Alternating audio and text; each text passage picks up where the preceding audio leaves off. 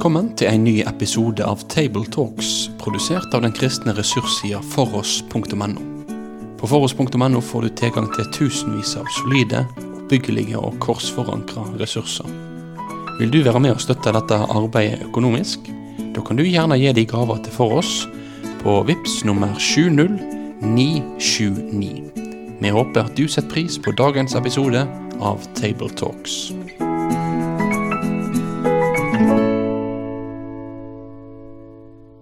Da ønsker vi hjertelig velkommen til Table Talks her fra Kristiansand. Eh, Vi går gjennom søndagens bibeltekst, og eh, denne søndagens tekst er fra Lukas 5, kapittel 1-11. I studio i dag her er det Bjørn Hindraker fra Kommunikasjon og livssynprogrammet på NLA-skolen Kristiansand. Jeg har med meg Kurt Hjemdal, pensjonist, tidligere både prest og bibelskolemann. Og så skulle vi hatt med oss Mikael Brun, men han kunne ikke være med oss akkurat i dag. Eh, Men da tar eh, Kurt og jeg denne samtalen eh, over Lukas evangeliet, kapittel 5, 1-11. Og kan du, Kurt, lese dette avsnittet for oss? En gang sto Jesus ved Genesaretsjøen, og folk trengte seg inn på ham for å høre Guds ord.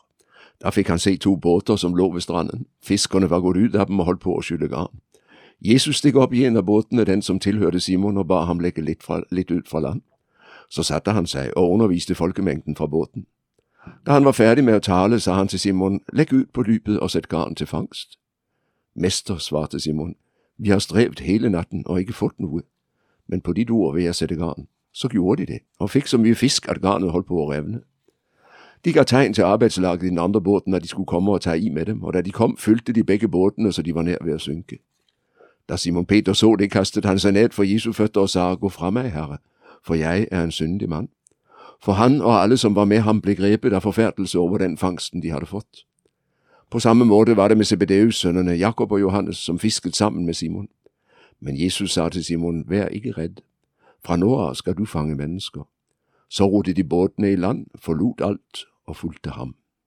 Amen. Ja, takk. Dette er jo en eh, spennende tekst, men la, før, vi, før vi går inn i denne teksten, så um, la oss reflektere bare, Ikke reflektere, men la oss bare si noe av det som bare slo oss sånn umiddelbart ved denne gjennomlesningen. Hvis, hvis Jeff skal si det nå, uh, hva som slo meg når du leste den for meg her, så var det jo dette her med De ble grepet av frykt, forferdelse. Uh, man skulle jo tro at folk bare klappet. Ikke sant? Å, så fantastisk! Men det skjer et eller annet her, og det tror jeg vi kommer inn på i samtalen, som plutselig gjør at dette, eh, dette skremmer de som så på. Eh, Så det var det, var det, det jeg merket meg. Var det noe du merket deg denne gangen? Nei, jeg syns alltid dette er en overraskende tekst. Jeg tenker både på selve undret, men jeg tenker også på dette at Peter virkelig la ut på Jesu ord. Jesus må ha gjort inntrykk på ham på forhånd når han har såpass myndighet at Peter rett og slett adlyder ham. For som god fisker så vet han jo at nå har vi gjort det vi kunne, og det er ikke noe å hente. Så, så jeg blir litt imponert over at Peter tross alt drar ut. Men så er det klart at både denne store fangsten og ikke minst reaksjonen er jo veldig interessant. Mm. Du, eh, du sier eh, at dette er jo ikke første gang de møter Jesus. For i, i noen fremstillinger av dette så kan det jo tegnes opp som om Jesus har nesten sånn en magisk effekt. Bare følg meg, så følger de da tankeløst, hjernevasket, denne her magiske lederen. Men, men disse som nå utfordres til å følge Jesus, de har jo møtt Jesus før denne gangen. Det er jo veldig overraskende når du leser både Matteus, Markus og Lukas, og ser at Jesus går forbi på stranden, sier 'følg meg', og basta, der reiser de seg og legger alt på land og følger ham. Eh, Du, får, du forstår jo at det må ha gått noe foran, og det er jo lykkelig at Johannes så har gitt oss eh, nøkkelen i sitt første kapittel i evangeliet, hvor han forteller hvordan Johannes og eh, Peter møter Jesus allerede ved Jordan mens de er disipler av Johannes døperen. Så de er, tilhører tydeligvis vekkelsesbevegelsen rundt Johannes døperen, som så blir dratt inn også i Jesu følge i neste omgang. Ja, og eh, Johannes døperen, han peker jo på Jesus. Dette er han. Det er han. Ja. Eh, og så går de til Jesus i den fortellingen. Og ifølge Johannes 1 så gjør jo Jesus allerede da et overveldende inntrykk. Det er jo det han sier til, til Simon. Du er Simon, du skal hete Kefas, du skal hete Klippemannen. Mm. Så, så, det er helt klart, her har allerede foregått en veldig interessant eh, konfrontasjon eller sammenheng, samtale, hvor, hvor Peter allerede har mottatt sterke inntrykk av hvem Jesus er, og, og vitner sterkt om ham også. Ja, jeg tenker det er en, en eh, veldig nyttig, um, nyttig um, påminnelse her at, at uh, OK, det er ikke alltid når Gud kaller oss at uh, vi syns dette er veldig fornuftig, sant? men uh, det er ikke en helt urimelig det er et, Dette er ikke bare et lyn ut fra klar himmel. Det skjer jo. Jeg tenker på Saulus, ikke sant, eller Paulus, for der kommer det som lyn fra klart himmel. Mm. Men, men, de fleste opplever vel dette med å følge Jesus som en prosess. Man kommer i kontakt, man får inntrykk, og så gjør inntrykkene såpass sterkt, eh, de påvirker såpass sterkt at i neste omgang så blir det til tro og etterfølgelse. Men, men det er veldig ofte en prosess forut, og det er da helt tydelig her hos Peter. Mm. Så de hadde både døperen Johannes sitt vitnesbyrd, han var jo liksom den profetiske røsten. sant? Og De hadde møtt Jesus, besøkt han, hørt Jesu undervisning og sett noen av Jesu spesielle handlinger. og Dette var jo da en av de som også hjalp de til å gjøre den, den radikale beslutningen som de gjorde da, til slutt i denne teksten. Men før vi, før vi snakker mer konkret om eh, akkurat hva som skjer der, så ser det ut som en, en del av denne eh, disippelgjengen er fiskere. Ja, og det er jo helt tydelig at de første disiplene er åpenbart fiskere. For, for både Matteus, Markus og Lukas starter jo med dem, og det gjør jo for så vidt Johannes også. Johannes og Andreas, to, to som hver med sin bror fisker i Genesaretsjøen. Så det er helt tydelig at Jesus begynner med fiskere. Og det er jo veldig interessant. Jeg tenker på dette at han i neste omgang velger tolv apostler ikke sant? At noen av dem altså er noe så vanlig som fiskere, en av toller. Helt alminnelige mennesker. Jesus vender seg ikke mot de som har rang eller status. Han bøyer seg ned til helt alminnelige hverdagsmennesker. Det syns jeg er utrolig godt å tenke på. Ja, det er tankevekkende. Også for oss som er skriftlærde, har fått privilegiet av å gå til studere teologi så når Jesus gjør seg et valg av sine apostler, så er det ikke den gjengen han velger. Men uh, det at de var så enkle, vet vi ikke. I hvert fall, de må i hvert fall være jordnære. Enkle er de helt tydelig ikke. Jeg tenker jo på hva de i neste omgang blir brukt til. Uh, så, men, men, deres ressurser er på en måte ikke oppdaget og ikke utfoldet ennå. Det kommer først i følge med Jesus. Som det har gjort for så mange opp gjennom historien. Som begynte helt enkelt, men i møtet med Jesus fikk de et livskall som gjorde at de utfoldet ressurser som ingen hadde tenkt de hadde. Mm. Og på, på, Jesu tid var jo ikke det å være fisker nødvendigvis på bånn si, sånn, eh, sånn, økonomisk. Det, det, kunne være rimelig greit å leve av det. Helt sikkert. helt sikkert. Og Den gang var det vel mye fisk i Genesaretsjøen. Det er litt verre i dag. Men, eh, men, den gang var det så de har helt sikkert hatt et greit utkomme, uten ja. at det er noen grunn til å mistenke dem for å ha vært akkurat kapitalister. Ja. Men, men vanlige hverdagsmennesker sånn midt, midt på skalaen. Mm. Ja. Og, og, det er jo det å være fisker her, det er jo ikke å sitte bare med fiskestangen langs eh, kanten. Det er jo å ha en båt, og det å ha garn, og det er ganske kostbart. Så det, det gir jo mening, det å, å, å jobbe i team. sant? Og ja. Det var jo to båter, ja. og det var flere grupper som jobbet sammen med hverandre. Så, så dette, dette, det som ligger i bakgrunnen av denne fortellingen, passer jo veldig godt med hva faktisk livet som fisker er. At du jobber sammen med noen, og du har investert i utstyret her, sant? Eh, og du lever av dette. Og det er midt i den hverdagen at Jesus eh, kom inn. Eh, båtene som lå ved stranden, fisken var gått ut av dem for å skylle garnene. Mm. Det er jo det hvis de, hvis de, får noe annet enn fisk opp, ikke sant? tang og tare og sånt, så må jo det renses. Og det er jo en betydelig jobb. Men det er liksom da etter at de har fått men, men, det er jo veldig interessant å se at Jesus møter dem i en litt sånn beklemt situasjon. Mm. En litt deprimerende situasjon. For det er deres utkomme, og den natten hadde de ikke fått noe. Så det var liksom ikke noe å komme hjem med. Ja.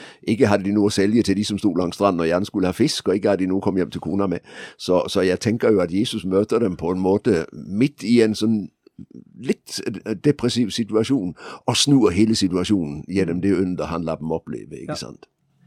Han møter de på den, den mislykkede dagen. Ja. og det, det, eneste de har å sortere, er jo ikke fisken, og de skulle jo stå på markedet nå, sant? Ja, Men det er bare å rive ut tang og tare og siv fra, fra garnet sitt.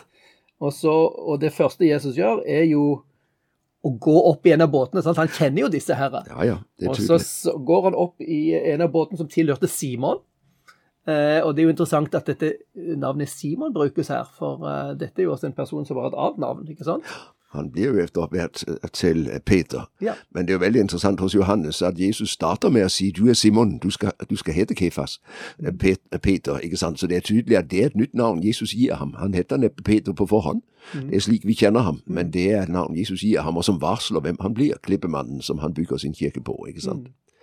Ja, også det er hans båt som han går ut i, og ba ham legge litt fra land. Eh, det er jo litt sånn rar ting. Nå skal vi Nei, det er egentlig ikke det, for jeg har ofte tenkt på det i dag. Så har vi alltid mikrofoner og høyttalere, men vi leser om disse gamle folkemøter hvor det var tusener til stede, og hvordan i all verden kunne de nå dem uten mikrofon og uten noen forsterkere? Men det har jeg jo forstått at mange av disse de hadde for lengst eh, grepet. Hvordan må folk sitte hvis vi skal snakke til mange? Eh, enten så sitter de i amfi, og den som taler står nede. Eh, det virker utrolig godt, for lyden stiger opp.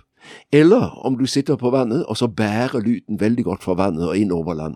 Så dette er helt tydelig en, eh, eh, også en teknikk Jesus kjenner, som gjør at han dermed kan tale til alle dem som står på stranden. ikke sant?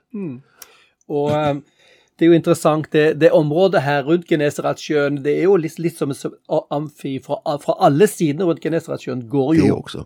Ja, går jo fjellet litt, litt grann Oppover. Ja, ja, det så, så eh, hjelper til på dette med høringen.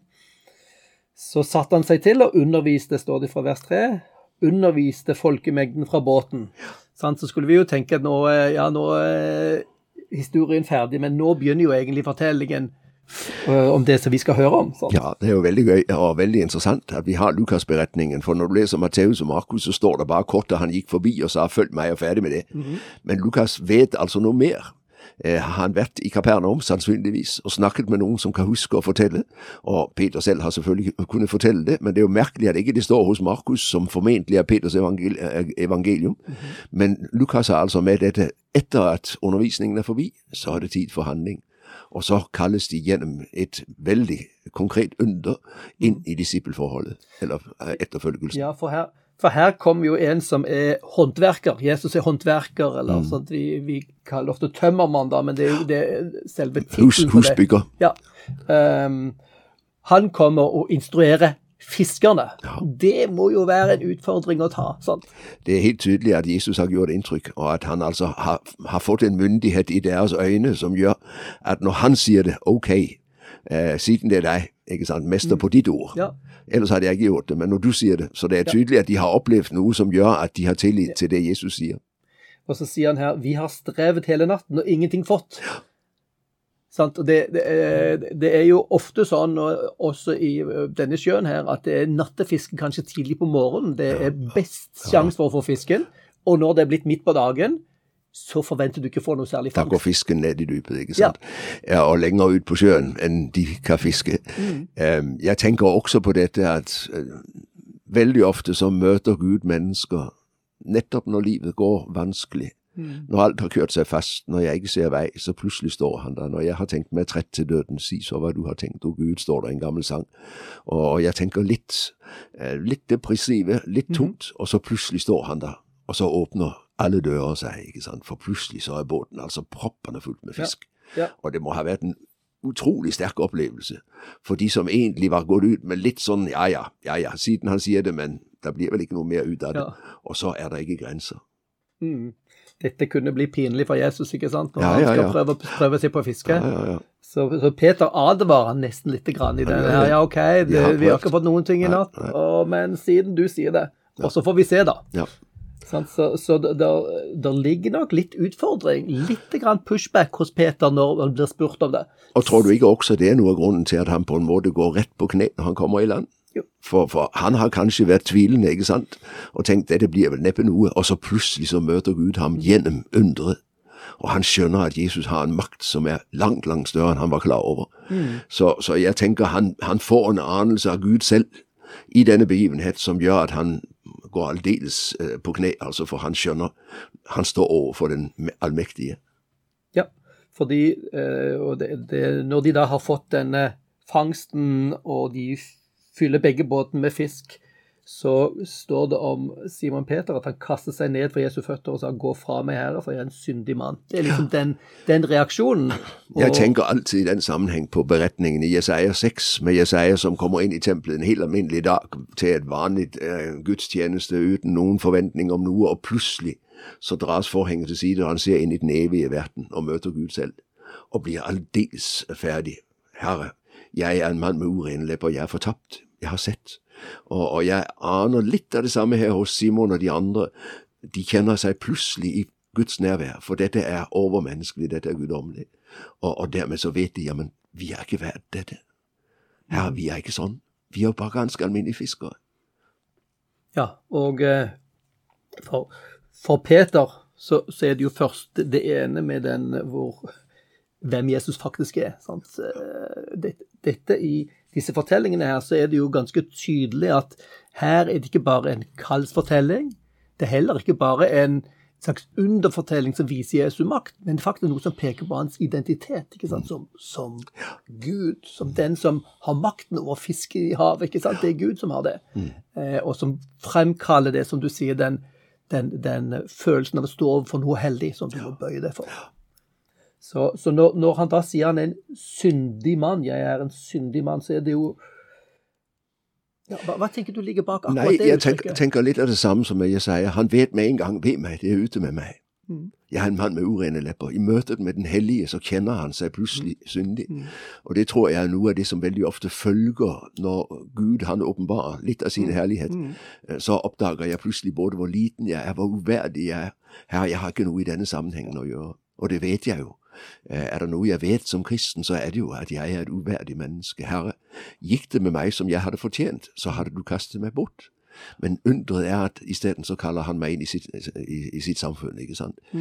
Men, men, jeg tror at uh, det var en eller annen tysk uh, teolog på begynnelsen av 1900-tallet som talte om mysterium tremendum et fascinosum. Unnskyld at jeg bruker latin. Men altså, det, det betyr rett og slett den hem, det mysterium som både skremmer og tiltrekker. Det er noe i det guddommelige som på den ene siden skaper angst, og på den andre siden nettopp gjør at jeg kan ikke gå. Dette må jeg ha del i. Og, og jeg tror, litt som hyrdene på Betlehemsmarken, de ble meget redde. Mm. Og, og, det gjør Peter og de andre også. Mm. Eh, og nettopp da møter Guds kall dem. Altså de er mm. der hvor de skal være, uh, parat til å følge. Mm. Så det er noe med dette møtet med det fremmede som både fascinerer oss, trekker oss til det, og samtidig skaper en skrekk. Hva, hva med meg nå? Er dette, er dette farlig? Eh, som, som uh, komme til uttrykk der. Um, og, og uh, iblant så er jo dette her med 'jeg er en syndig mann' Du, du har litt dette i noen deler av kristenheten at uh, det å være syndig er å se liksom litt ned på seg sjøl og ha et lavt selvbilde og, og um, snakke seg selv ned. Eh, er, er, det det som er synserkjennelse? Nei, det er det jo ikke. Eh, og du vet, det er livsfarlig, fordi her kan du og jeg veldig fort bli hyklere, ikke sant. Eh, du har hørt den lille historien om gamle Anna som presten besøkte, og så, når presten kom, så kom det fra gamle Anna 'Å, herr pastor, jeg er så stor en synder'. 'Ja', sa presten, det har jeg hørt. 'Hvem har sagt det?' og så var hun i full forsvar, ikke sant, for hun mente det egentlig ikke, hun bare sa noe som var munnsvær. Det er en fare for oss alle sammen at vi kan de riktige formler. Mm -hmm. Der hvor du møter Gud, der blir det ikke munnsvær. Der blir det en dyp, dyp erkjennelse av Herre, at du og jeg passer ikke sammen, for du er altfor hellig, og jeg er altfor vanhellig. Mm -hmm. Og jeg tror den som ikke har opplevd noe av det i møte med Gud, han har aldri vært i Guds nærhet. Mm. Der hvor du kommer nær på Gud, så opplever du med Peter Herre, jeg, jeg er ikke verdt deg. Mm. Jeg er for dårlig. Det er veldig interessant å se med Paulus. Jeg syns det er så spennende, for han, på den ene siden så vet han jeg er den minste av apostlene, den minste av de hellige, jeg er den største av syndere, sier han om seg selv i tre forskjellige sammenhenger. Og samtidig så vet han så godt jeg er apostel, jeg har myndighet på Guds vegne, jeg er kalt til det største, men verdigheten ligger ikke i meg, den ligger i ham som har kalt meg. Mm -hmm. Så det å bekjenne synd ikke det samme som et lavt selvbilde eller selvforakt i det hele tatt. Tvert om. Jeg opplever jo nettopp at der hvor du ser deg selv som synder og tilgitt for Jesu Kristi skyld, eh, der får du lov å tenke høyt om det å være menneske. Tenk, jeg har feilet på målet, ja, jeg har syndet, men samtidig så er jeg så dyrebar for Gud at han altså går så langt ned at han gir seg selv for å frelse meg. Og det gir meg jo en grenseløs verdi. Så, så jeg som er en stor synder, jeg er samtidig et utrolig verdifullt, elsket menneske i Guds øyne, ikke sant? Ellers hadde han ikke satset så mye på meg. Så det er ingen grunn til selvforakt der hvor du vet at du er en synder, men det er all grunn til å tenke for et under at han ikke har sluppet meg, men at han holder meg fast. Mm. Eh, hvis, hvis jeg skal fange opp et spørsmål her nå som jeg tror er litt aktuelt fra det som ligger i, i gråsonen rundt kirken og kristenheten her nå, er jo, er jo den si, andre veien å se dette her på. Sant? Eh, jeg er ikke en synder, jeg er ikke verre enn andre. Det, hvor, hvor, eh, hvorfor skal jeg si om meg at jeg er en synder? Jeg, jeg føler ikke noe sted. Hva, hva, hva, svarer vi til folk som, som syns det er en, eh, en fornærmelse å skulle bli kalt en synder? Nei, jeg må jo si det at når det gjelder mennesker og mennesker imellom, så er det helt riktig at så er det mange gode mennesker. Og mange mennesker som lever veldig ordentlig og moralsk korrekt. Så, så heldigvis finnes det mange mennesker som eh, oppfører seg ordentlig. Men i møte med Gud så blir situasjonen en annen. Og la meg få lov å bruke et litt naivt bilde. Eh, når vi ser eh, horisontalt, så ser vi haugene og fjellene som reiser seg veldig. Men sitter du i en eh, månerakett eller i en Mars-rakett utrolig langt ute i rommet og ser ned, så er jorden rund og flat. Og jeg tror det er to forskjellige perspektiver. Eh, det folk misforstår, det er at når jeg kommer og sier du er en synder, så tenker de som jeg er en slags forbryter. Nei, det er du ikke. Du er et ordentlig menneske i dine egne og i naboens øyne, men innenfor den hellige Gud, Han som er fullkommen, der kommer du aldeles til kort med din egoisme, med din stolthet, med din misunnelse, med din selvopptatthet.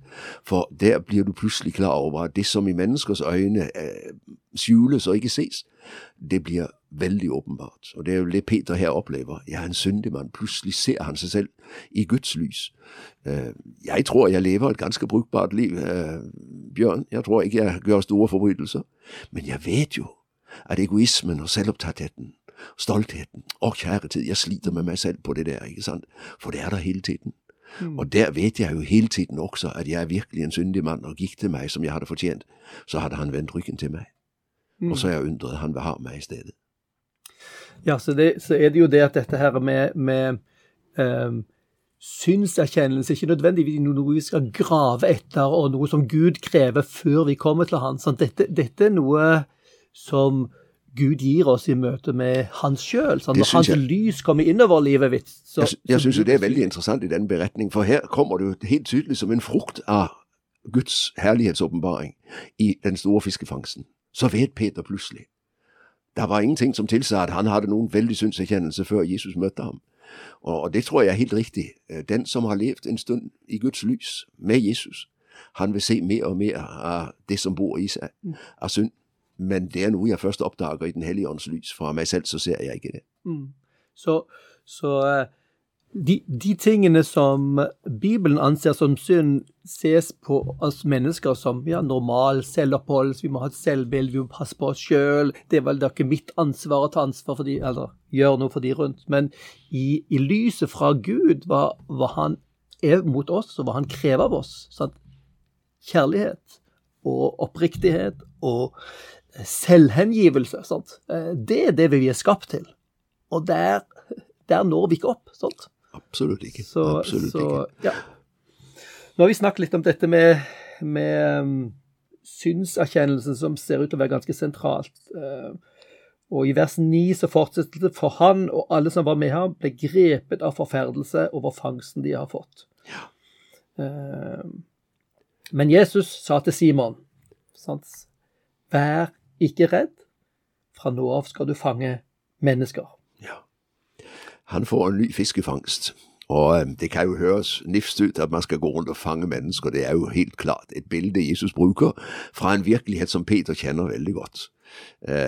Vi skal hjelpe mennesker inn i Guds rike, ikke ved å fange dem eller tvinge dem, men ved å forkynne evangeliet. Og Det ser du veldig tydelig i Det nye testamentet, for hvordan fanger Peter mennesker pinsedag? Når Ånden fyller ham, så preker han. Og gjennom ordet om Jesus så dras mennesker til og blir døpt og blir tatt inn i den kristne forsamling. Men det er jo ikke snakk om noen tvang eller noe sånt. Det er snakk om å forkynne Guds ord, og ordet er det middelet Gud fanger mennesker med. Ja, og eh, denne, dette bildet med fiskefangst er jo bare én av flere bilder som, som, brukes om hva dette er for noe. Og, og, her så nevnes det jo helt spesifikt, for dette var jo hans yrke. Sant? Hans identitet som yrkesperson.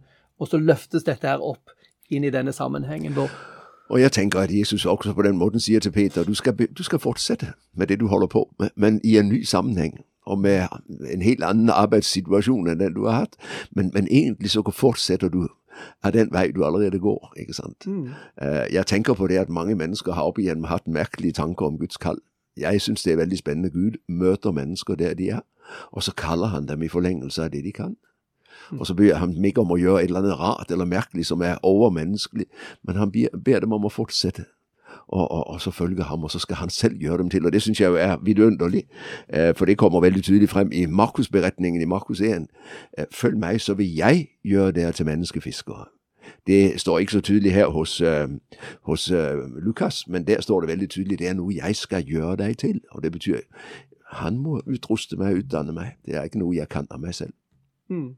Og um, jeg husker sjøl fra, min, fra, mine studiedager i teologien her, hvor uh, dette med følg, følg meg-temaet som dukker ofte opp i akkurat dette her, så, så, er ikke det bildet vi skal se for oss, er ikke en som går foran oss med lange skritt som vi skal streve etter å følge. sant?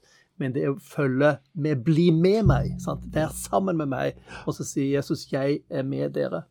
Jo, og jeg tenker jo på ordet disippel. Du vet, I gamle dager så, på, så, så var man disippel på latinskolen. Så ordet betyr jo rett og slett elev. Og da tenker jeg å være elev, hva er det? Det er å få lov å starte i første klasse og si til læreren 'jeg kan ikke, men du må lære meg'. Og stille med på en måte åpent sinn, men med blanke ark.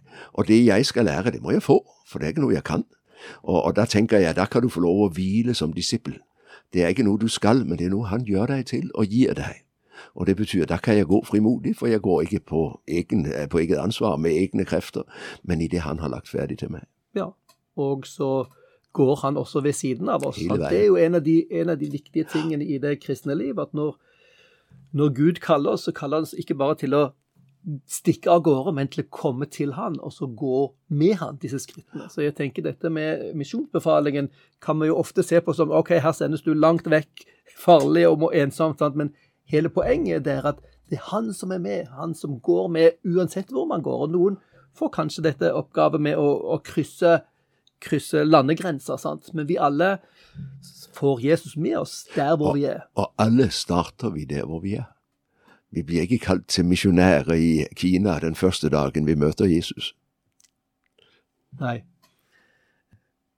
Så rodde de, vers 11, så rodde de båten i land, forlot alt og fulgte ham. Eh, det er eh, det er jo ganske sterkt, dette her også, fordi de hadde jo familier, de skulle forsørge dem. Eh, hva tenker du om den biten? Nei, det er jo helt tydelig at her tror jeg vi må tenke to tanker samtidig. For på den ene siden så er disse disiplene kalt inn i en situasjon som tar dem helt. Og det viser seg jo neste omgang at Jesus gjør dem til apostler. De har en grunnleggende tjeneste i menigheten. Denne søndagen er aposteldagen, og da minnes vi om det at noen har fått en grunnleggende tjeneste med å bygge kirke. De aller fleste disipler de er disipler i sitt hverdagsyrke. De legger ikke båtene til land. De fortsetter å fiske, og så er de disipler med sin fiskebåt, eller på sin kontorpult, eller i sin butikk, eller på sin lærepost. Eh, for, for de aller fleste av oss skal ikke være apostler, vi skal være ganske alminnelige kristne eh, der vi er satt og der skal vi være etterfølgere. Sant? Ja, de fulgte ham. Det skal vi gjøre. Vi skal ikke alle forlate alt, sant? men vi skal alle følge ham. Og det tror jeg var en grei avslutning på eh, denne samtalen over Lukas 5, 1-11. Da vil vi si takk for at du valgte å få med deg denne episoden av Tabletalks, produsert av den kristne ressurssida foross.no. Driftinga og utviklinga av nettsida vår den er avhengig av gode og trufaste støttespillere. Vil du gi ei gave til dette arbeidet? Da kan du gi den via VIPS nummer 70929, eller så kan du besøke foross.no for mer informasjon om å kunne bli en fast giver. Ha en god dag videre.